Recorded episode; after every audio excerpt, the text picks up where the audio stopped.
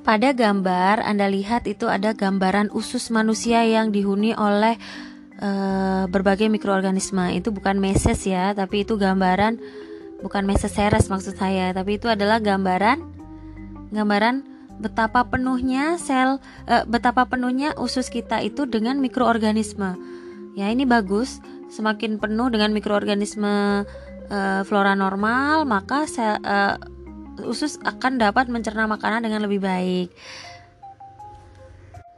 Usus yang memiliki diversitas atau keragaman mikroorganisme flora normal yang baik ini akan membantu untuk memetabolisme makanan yang masuk ke dalam usus ya. Nah, ini ternyata berpengaruh terhadap otak. Hasil kerja dari mikroorganisme ini akan menghasilkan zat-zat tertentu yang itu akan mempengaruhi otak. Jadi akan ada perbedaan. Hasil penelitian menunjukkan ada perbedaan antara orang yang mm, ususnya itu sehat, mikrobiota normalnya sehat di usus dibandingkan dengan orang yang yang mikrobiota normalnya kurang sehat. Ya, ternyata ada beda. Biasanya orang yang mikrobiotanya normal ini cenderung memiliki tubuh yang normal, artinya tidak gampang sakit, tidak kegemukan, tidak terlalu kurus, kemudian orangnya cenderung lebih banyak sehatnya daripada sakitnya.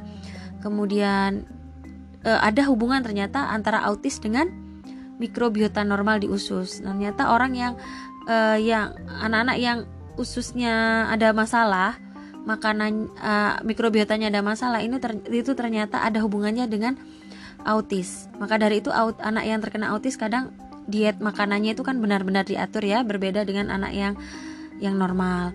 Kemudian untuk uh, orang yang misalkan pola makannya salah ya, pola makannya tidak sehat, misalnya lebih banyak makan pecel daripada makan makanan yang uh, lengkap gizinya atau terlalu banyak makanan yang berdaging misalnya tiap hari rawon saja itu juga tidak baik.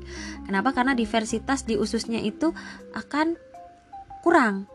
Nah, akhirnya akan berdampak terhadap nutrisi yang akan diserap oleh tubuh. Nah, ini akan berpengaruh pada metabolisme metabolisme yang lain di tubuh.